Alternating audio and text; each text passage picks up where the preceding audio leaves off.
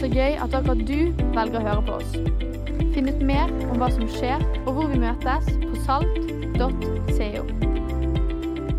Fantastisk. Tusen, tusen takk. Mats og Frode, det var nydelig. Tenk det, hæ? Det å ha et sted som er hjemme, det er spennende. Dere, jeg har gleden av å møte mennesker som kommer til kirken for første gang, eller som kommer ny til kirken. Og eh, flere har faktisk satt ord på akkurat det der. At eh, de kommer og så møter de et sted og så 'velkommen hjem'. Og så sier man det betyr noe for oss at vi kommer til, til et hjem. At vi kan kjenne oss hjemme. Det er noe spesielt med det å kjenne at man kan senke skuldrene, at man kan være trygg, at man kan være seg sjøl i det man er, og ha et sted som kalles for hjem. Så det er veldig, veldig, veldig gøy. Dere, går det greit? Er dere i form? Altså, Bergensere med sol, det er liksom, det er, da blir man i form, på en måte. Da vil eller ikke. Det er bare å gi gass. Veldig, veldig gøy å, å se. Jeg har ikke hatt ut sol i dag, jeg har vært her. Men en annen dag så skal jeg ut. Åh, deilig. Og så har jeg fått badet nå, to ganger. Jeg glemte faktisk det at jeg har Nei, jeg har ikke badet. Det er greit. Du, eh, For dere som ikke kjenner meg, så heter jeg Kristian Torbjørnsen. Jeg er eh, pastor i Salt Nordland, og jeg er rektor på Bibelskolen Substans. Ja, det er lov å være begeistret for substans, hvert hvis du går der eller har gått der. Og det er ganske mange av dere som har det. Det er jeg veldig, veldig, veldig glad for. Så jeg håper at du er med. Du, Vi er inne i en serie som heter Forvent fornyelse. Og det har vært en, en gave, altså. Det å være noen uker i det å ha en type forventning til det Gud ønsker å gjøre. Øystein startet ut med å snakke om Jesus som den som døper i Den hellige ånd. Og Så fortsatte vi med Jesus som helliggjører og omvendelsens mulighet for oss. Det å kunne justere seg inn, det å kunne hente seg på plass igjen, det å på nytt kunne si 'Herre, her er jeg', det er en gave. Og det er nyttig. Så det å, å, kunne kalibrere seg på nytt veldig, veldig bra. For to uker siden så prekte Elisabeth om eh, det å, som har med frelse å gjøre. Og i dag, i dag, folkens, skal jeg snakke om Er du klar? Du kan klappe på lårene. Jesus som kommende konge! Ja, det var eh, mye forbedringspotensial i den applausen der, så vi prøver en gang til. Jeg skal snakke om Jesus som kommende konge! Ja! Da Come on! Da snakker vi. Altså, da er vi der vi skal være. Du vet, Jeg vet ikke hvilket forhold du har til kongen. Eh, det er litt sånn at eh, Kanskje hvis du har vært i militæret har vært i militæret her, De har i hvert fall blitt drillet et år på å ha et forhold til kongen. sant? Så Det er bare liksom, det er fedrelandet og Hans Majestet Kongen. Eh, og så er det kanskje andre som er mer sånn ja, Det er når det går gærent, og det blir dratt noen folk inn på Slottet som eh, kommer litt sånn uh, Da får du med deg det som skjer på, på kongehuset. Men, eh, men, i Norge så har vi kong Harald. Han ser sånn ut. Ja, han leverer, han. Det er ikke noe tøys. Eh, og Harald, vet du, han er en fin fyr. Holder stand eh, enn så lenge. Så får vi se når kronprins Haakon tar, tar, over. Men han, jeg han som leverer. Og jeg har, jeg har lært faktisk av Sigurd å høre på hans nyttårstaler. Det har jeg ikke tradisjon for, men jeg har lært av Sigurd det må du gjøre. For det er, det er fint. Så det, det, har jeg begynt å gjøre. Men det er klart, hvis du vil liksom next level på, på kongefronten, ikke til forkleinelse for, uh, for, Harald, da går du over damen til han herre. Sant? Så er du liksom på kong Charles. Da er, liksom, da er du på next, next level på kongefronten. Sant? Det er litt mer uh, Det er til og med en stav. Som heter en, en, en septer, heter det. Men hva heter den tingen der? Er det noen som vet hva den heter? Hæ? Boccia. Jeg vet ikke hva det heter. Jeg aner ikke. Det er ikke bowlingkule. Det hadde vært helt sjukt. Kongens egen. Nei da, det det. Er ikke det. Men han holder i hvert fall et eller annet rundt, og som er et kors på. Men vi skal ikke snakke om verken Harald eller Charles. Vi skal snakke om kong Jesus! Og da er du på en helt, helt annen skala. Altså liksom, Mens Charles holder en sånn rund ting som ikke vet hva heter, så står Jesus der med jorden, hele verden, i sin hånd. He's got the whole world in his hand. Altså, Han hadde hele verden i, i Nå står det faktisk egentlig at han har jorden som skammel for sine føtter, men kanskje ikke det blir liksom helt samme liksom varmen. Liksom, er du med? Lente liksom helt innpå Antarktis der. Så, så, men, men er, det, vi snakker et next level. ok? Vi snakker et helt annet nivå av, av konger. Og Nå vet ikke jeg hva utgave av Jesus du, du ser for deg, eller hva du har et forhold til, men han fins i ganske mange ulike varianter. Dessverre, eh, får jeg nesten tilføye. Altså, Du har julenisse-Jesus. sant? Du kan be til han, men du trenger ikke. Eh, og hvis du eh, gjør noe gærent, så, så, går det bra. Du skal helst være snill, men hvis det ikke, så blinker han litt til deg og sånn yeah, ho, ho. Dette går bra. Han er seriøs, men ikke så seriøs. Og eh, han applauderer gjerne hvis du hjelper den utslåtte i liksom, eh, høytiden og sånn, men egentlig er hovedmålet å hjelpe deg å lykkes i livet med der du er, med ditt potensial, så at du kan komme til alt det du har lyst til å bli. Ellers har du transaksjons-Jesus. Han er litt annerledes. Da er det type sånn Er du med? Kodeautomatutgaven. sant? Det er sånn, ok, du gir, en, du gir en bønn opp, og så får du noe tilbake. Ikke sant? Bønn opp, får noe tilbake. Og det er klart, Med en sånn Jesus så blir det ganske mye sånn behovsorienterte bønner. sant? Herre, gi meg en bil. Er du med? Eller jeg trenger mat. Eller jeg trenger en kjæreste. Jeg trenger et eller annet. Er du med? Og så venter du på at Jesus skal levere det. Eh, det er òg en måte å tenke på Jesus. Så har du religiøsitets-Jesus typ døde tradisjoner. Jeg fant ikke en skikkelig Jesus på det. Prøvde hardt og lenge på norsk og engelsk. Så jeg endte med Moses. Det får gå bra. Men vi kan tenke oss at det var Jesus. ok? Så religiøsitets-Jesus han eh, erstatter liksom han, Jesus' sin lære med regler og tradisjoner. Innpakningen er viktigere enn selve innholdet. Stort sett dømmende i møte med mennesker. Hyggelig fyr. Eh, og hvis det er noe som forandres, så er det store problemer. Altså Hvis et flygel flyttes, eller et bilde tas ned, eller sånn vevteppe forsvinner, sånn Skandale! Det er, det er religiøsitets-Jesus. Så er det New Age-Jesus. Han er litt mer sånn sen type. sant? Det tar det veldig chill. Han er påvirket av alle åndelige strømninger du kan tenke deg. En sånn deilig miks av uh, ingenting og alt. Og da er det viktig at du føler deg bra. Det er liksom, Hvis du føler deg bra, da er det fint. Du må være deg sjøl. Være litt autentisk. Være helt autentisk. Kjempeautentisk. Jeg tenker noen ganger at hvis jeg hadde vært superautentisk, så hadde det ikke, det ikke vært bra for omgivelsene mine. Er du med? Jeg hadde blitt en kjip type plutselig. Bare sånn herre Meg! Jeg er helt autentisk. Gratulerer. En kid kalles det. Så det er en måte å tenke på. Eh, hvis tradisjons-Jesus er litt sånn Hvis det ikke er alt på stell, så er på en måte send-Jesus sånn yeah, Alt går, alt passerer. Det er, det er ikke bare å kjøre på. Synd er typen svakhet. sant? Så det er terapi som er løsningen istedenfor omvendelse. Frelse det er mer sånn oppbyggelse, sånn kunnskap, mindfulness og sånn. Og eh, Skriften blir ikke så viktig, for vi er jo tross alt i 2023. Og da kan vi ikke forholde oss til sånne tekster. og Vi kan ikke mene og tenke, og det er jo skikkelig gammeldags. Og sånn. Og så har du Protest-Jesus. Det er siste for noe det forholdet. da. Protest-Jesus. Han, uh, han, han bygger ingenting her i verden. men klikker på alt som er galt med denne verden. Er du med? Altså, Alt som er feil, det får du høre.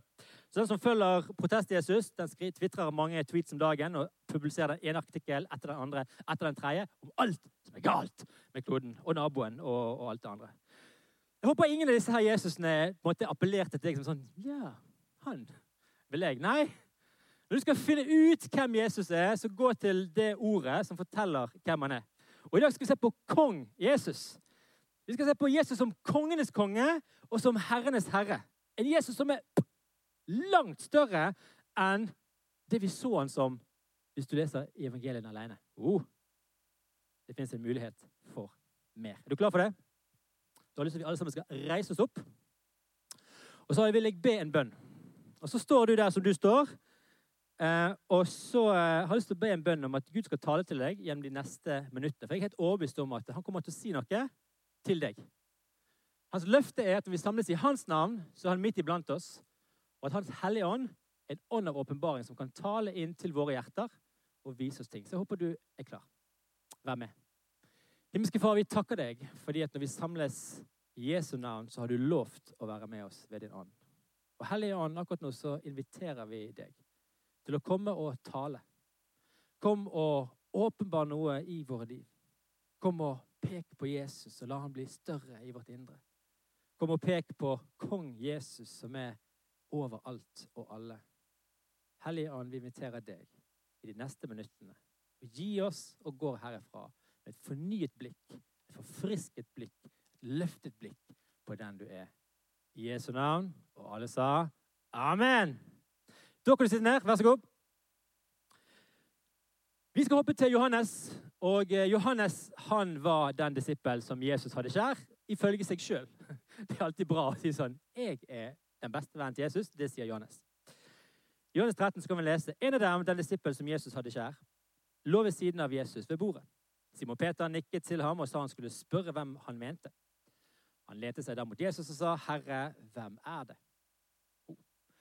Konteksten for dette er jo det at det er gått et rykte. Jesus har sagt at én kommer til å forråde meg, og disiplene lurer på hvem, hvem er det Hvem er det som kommer til å gjøre dette? Alle er nysgjerrig. Peter ser bort på Johannes og tenker liksom du, du, du som sitter nærmest nå, kan ikke du spørre?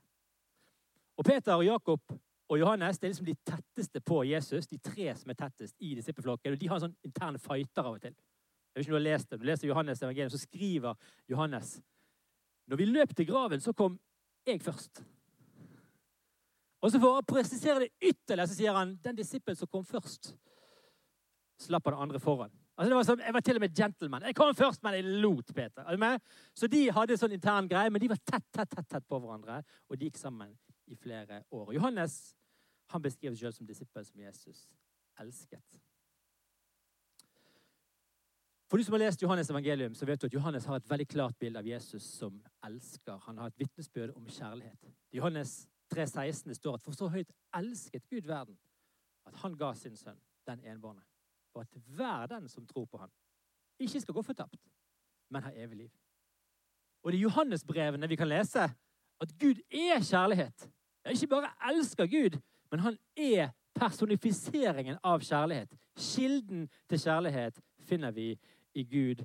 Og Johannes har et helt klart bilde av denne Jesus. Og Når Jesus forkynner og formidler, så hinter han noen ganger, og andre ganger snakker han ganske rett fram, om at han er konge.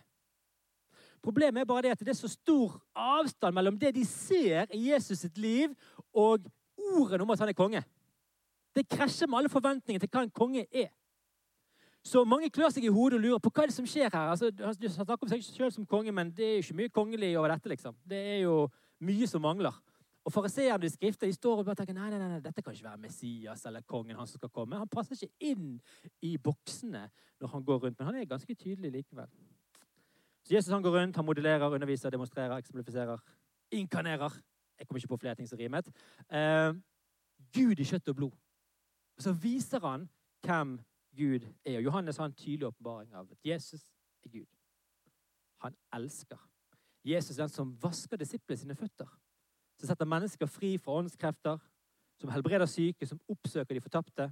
Som gir verdighet til barna ved å løfte dem opp. Som inkluderer kvinnene og på den måten gir verdighet til dem. Jesus er den som gir sitt liv for sine venner. Og han er oppstandelsen og livet, og det er denne Jesus Johannes elsker. Men det blir ikke komplett, dette bildet av Jesus som konge, hvis vi bare er i evangeliene alene. Vi trenger å se videre. Og Johannes han får en tid senere en åpenbaring av Jesus som på et helt annet nivå og i en helt annen gate. Vi kan lese om det i den siste boken i Bibelen som kalles for Johannes' åpenbaring. I våren 2016 så var det første gang jeg eh, studerte Johannes' åpenbaring. Eh, og når jeg skulle studere det, så, så, gjorde jeg den feilen at jeg googlet og brukte YouTube. Og det er klart, når du sitter på YouTube og googler 'Doomsday', 'Antichrist', 'Jesus Resurrection Coming Back', så får du mye rart.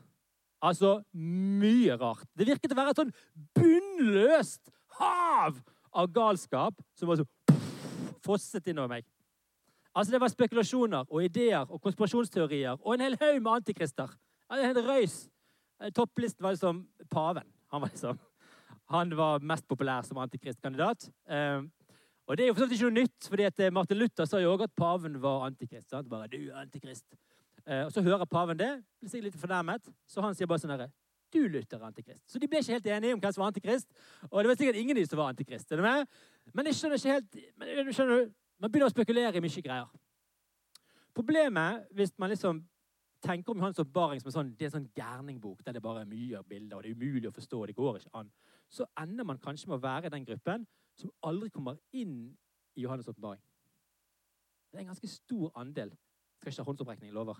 Men det er en ganske stor andel kristne som aldri kommer inn i boken. Enten fordi at man er redd for det, det er litt utilgjengelig, det er for langt ut i Bibelen, jeg kommer alle så langt. Jeg begynner hvert år liksom på Nei, så stopper det liksom i første Mosebok. Eller kanskje du begynner i Nytestamentet, og så når evangeliene er ferdig, og det drar seg litt ut i apostelen, så bare sånn Åh, der datt jeg av. Så jeg kom ikke. Det kan godt hende det òg var, var tilfellet. Da kan du nødt snu. kan du begynne bak. Nei, det blir feil. Kanskje det blir, ja, i hvert fall. Du kan hoppe neste gang. Men så har du den andre grøften, som er de som kommer inn i Johannes' oppbaring og forblir der. Ja, det er ikke bra. Det er ofte onkler. Eh, eh, så, unnskyld, onkler. Men, men det fins noen sånne som på en måte bare Er du med? Og så har ikke de lært seg at det er jo algoritmer som, som feeder greiene. sant? Så de bare kjører ut på Facebook alt de får. Det nyeste konspirasjonen. Wow, wow, wow! Og så sitter du der sånn nevø og niese sånn Ja da. Nei da. Så det, er du med? Så, så, du har de som alle kommer inn, og så har du de som aldri kommer ut. Jeg håper ikke dere er i noen av de to kategoriene. Verken den ene eller den andre. Johannes' åpenbaring er en apokalyptisk litteratur, men det er like fullt en åpenbaring som Jesus gir til Johannes. Og Vi kan lese i Åpenbaringen 1, vers 12. Der skriver han. Jeg snudde meg for å se hvem som talte til meg. Da så jeg syv lysestaker av gull, og midt mellom lysestakene var, som, var en som var lik en menneskesønn, kledd i en fotsig kjortel og med et belte av gull om brystet. Hodet og håret hans var hvitt som hvit ull eller som snø. Øynene var som flammende ild, føttene som bronse glødet i en ovn, og røsten var som bruset av veldige vannmasser. I høyre hånd holdt han sju stjerner, og fra munnen gikk det ut et skarpt, tveget sverd. Kommer tilbake til det senere. Ansiktet var som solen når den skinner i all sin kraft. Da jeg så ham, falt jeg som død ned for føttene hans.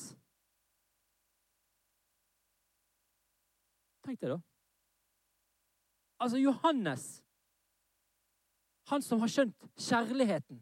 Han som har ligget inn til Jesus med påskemåltidet. Han som har vært tett på, nær ved. Noen tiår seinere møter han Jesus. Og når han møter Jesus, så er det i en sånn sinnssvakt lys. Stråleglans. Det er som bare sånn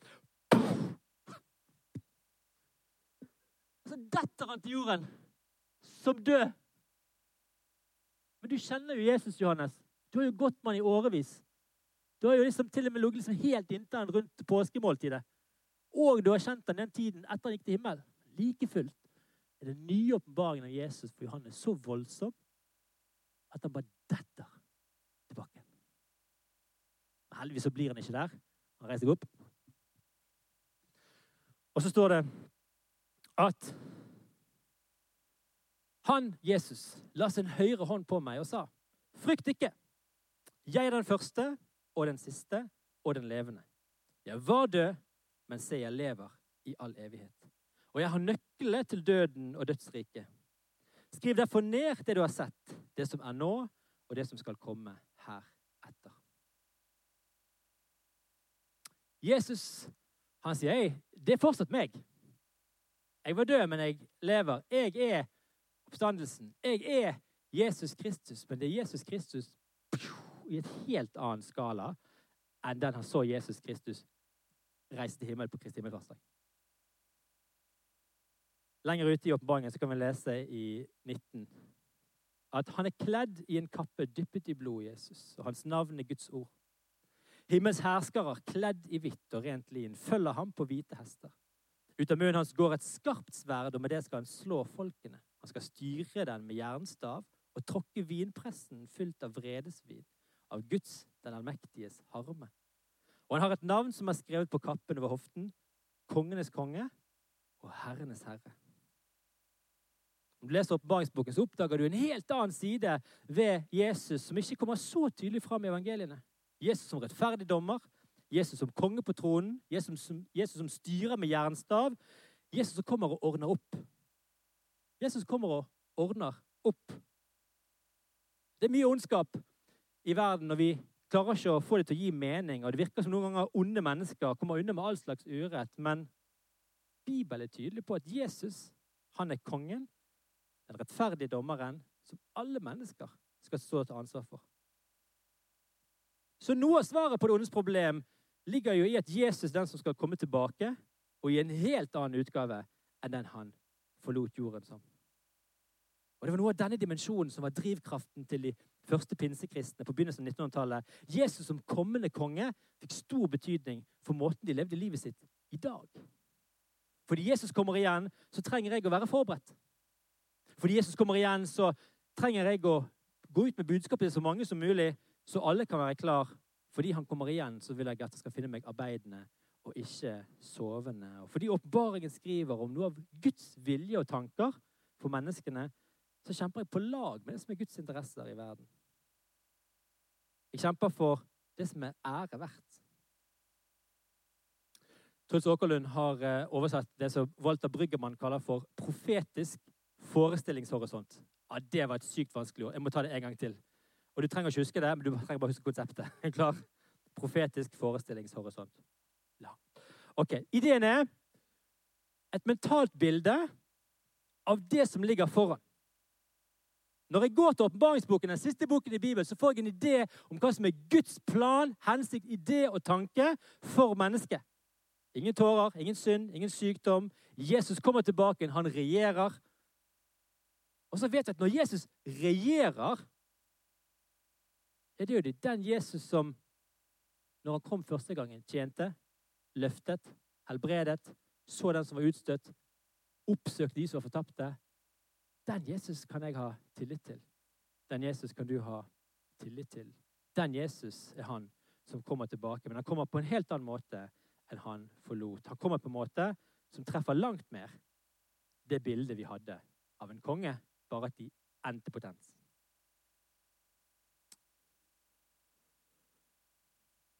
Profetisk forestillingshorisont handler om at eh, jeg lar det bildet styre det som jeg gjør i dag.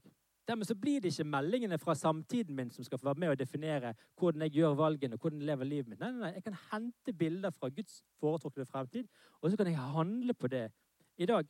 Det betyr at jeg kan bry meg i dag. Jeg kan kjempe for rettferdighet i dag.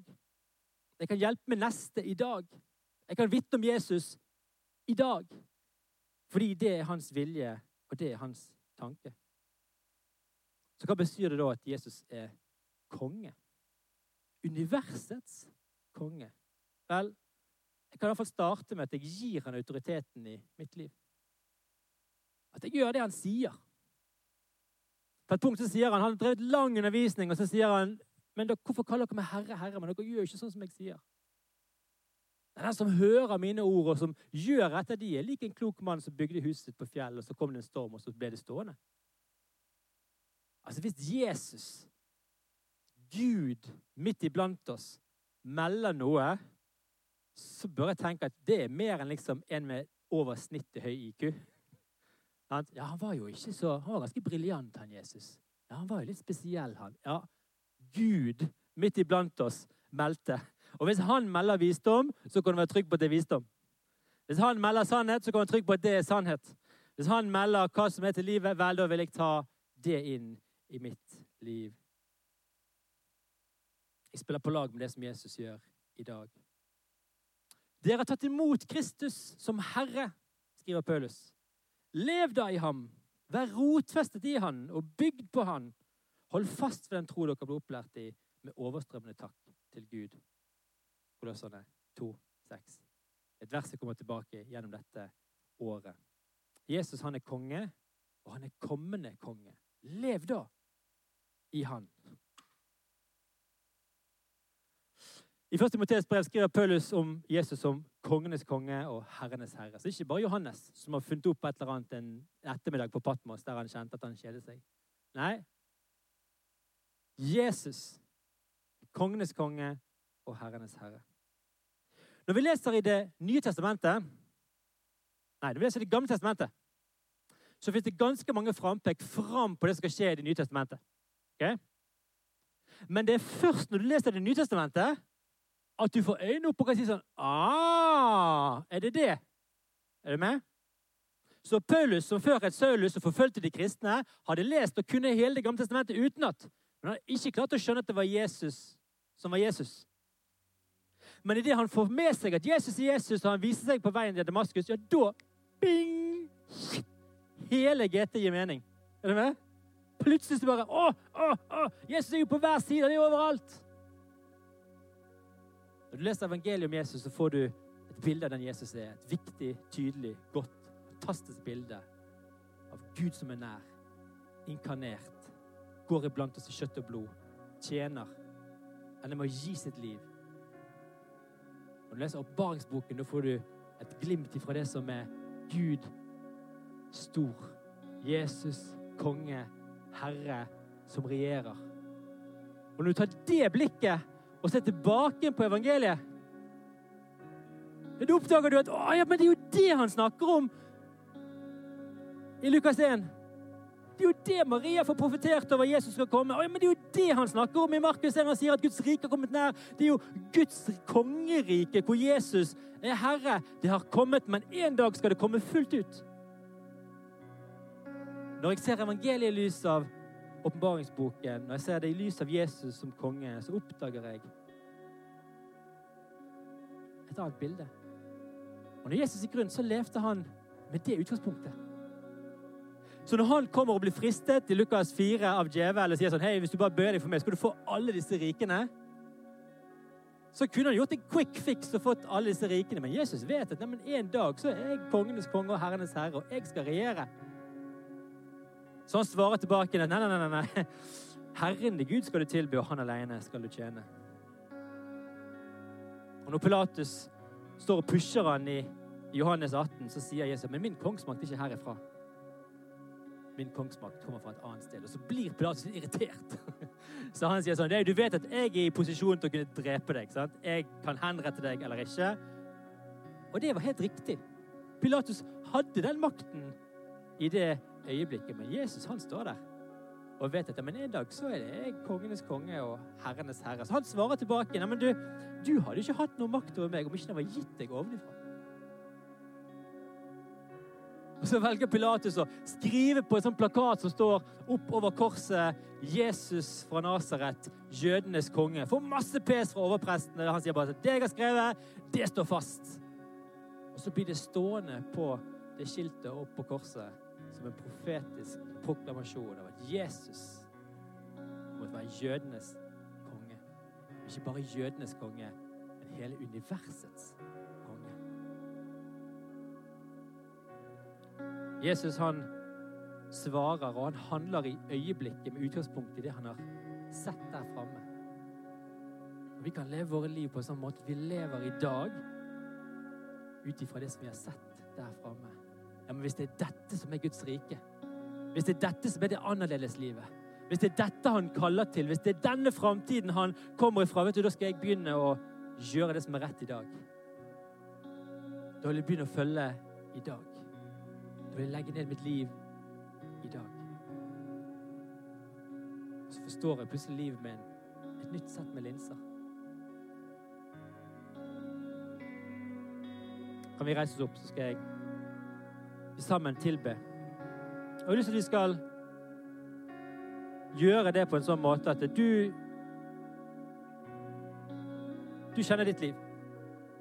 Kanskje har du et forhold til Jesus, kanskje har du et litt fussy forhold til han, kanskje har du klart og tydelig, kanskje har du fått et, et nytt blikk. Men tenk at når du tilber, da tilber du kongenes konge.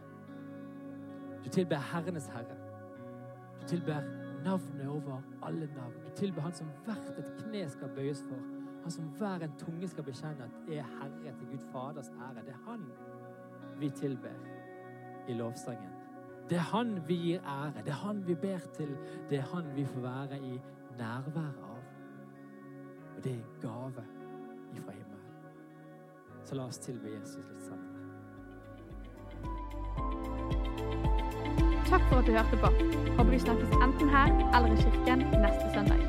Ha en nydelig uke.